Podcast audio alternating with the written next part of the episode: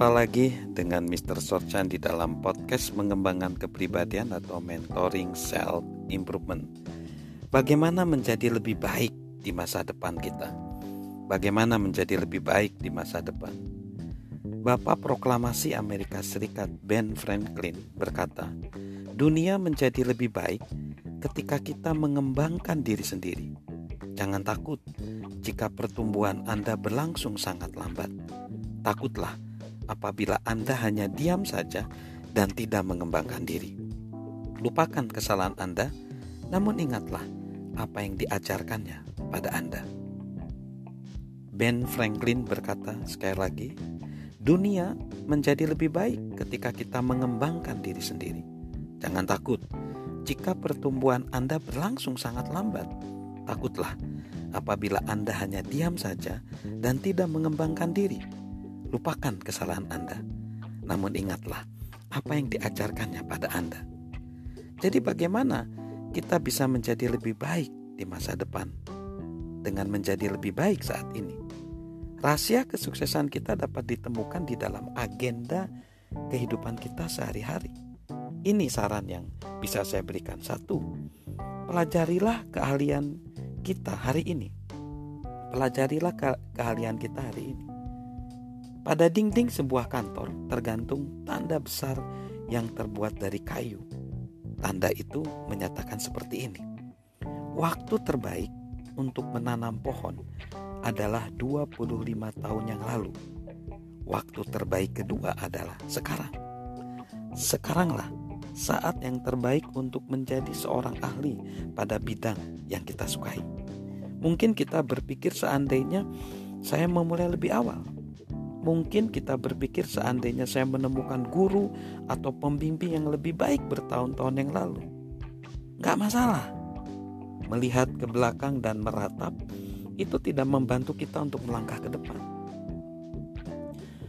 Seorang teman dari penyair Longfellow menanyakan rahasia tentang ketertarikan yang terus berkelanjutan atas hidup. Dia menunjuk pada sebuah apel yang terdekat. Longfellow berkata, Alasan pohon apel ini hidup adalah untuk menumbuhkan sedikit kayu baru setiap tahun. Itulah juga rencana saya. Teman itu akan menemukan perasaan yang serupa di dalam puisi Longfellow. Bukanlah kegembiraan atau kesedihan yang menjadi tujuan akhir kita, melainkan bertindak hingga esok kita lebih melangkah, lebih maju daripada hari ini. Kita mungkin tidak ada di tempat di mana kita seharusnya berada. Kita mungkin tidak menjadi seperti yang kita inginkan. Kita tidak harus menjadi seperti apa kita terlebih dahulu. Kita bahkan tidak harus selesai. Kita hanya perlu belajar sebisa mungkin agar menjadi yang terbaik. Seperti yang dikatakan Napoleon Hill, Anda tidak dapat mengubah dari mana Anda mulai. Namun, Anda dapat mengubah ke mana Anda akan pergi. Bukan apa yang akan Anda lakukan, namun apa yang Anda lakukan yang berarti. Yang kedua, bicarakanlah keahlian kita itu. Bicarakan. Ketika mencapai tingkat kecakapan tertentu dalam bidang kita, salah satu dari hal terbaik yang dapat kita lakukan untuk diri kita adalah membicarakan kemampuan kita pada orang lain dan apa pada tingkatan yang sama atau yang lebih tinggi daripada kita. Banyak orang melakukan seperti itu. Misalnya, pemain gitar akan berbicara tentang gitar. Orang tua akan berbicara mengenai membesarkan anak. Pemain golf berbicara tentang golf.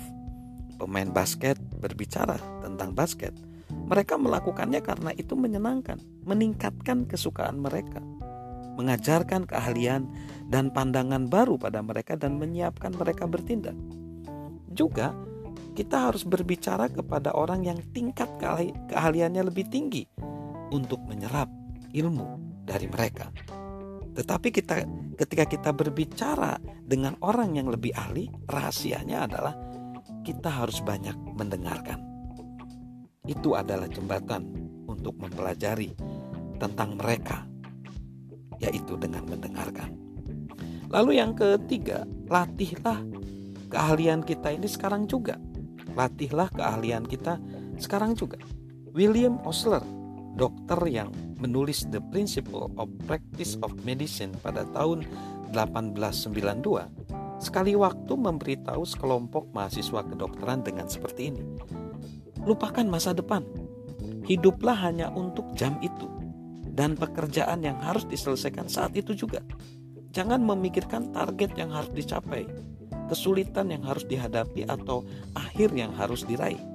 Tetapkan dengan jelas tugas kecil yang harus Anda selesaikan. Itu cukup untuk hari ini. Seperti yang Carl Lily katakan, kewajiban utama kita adalah jangan melihat apa yang terletak di kejauhan secara sama-samar.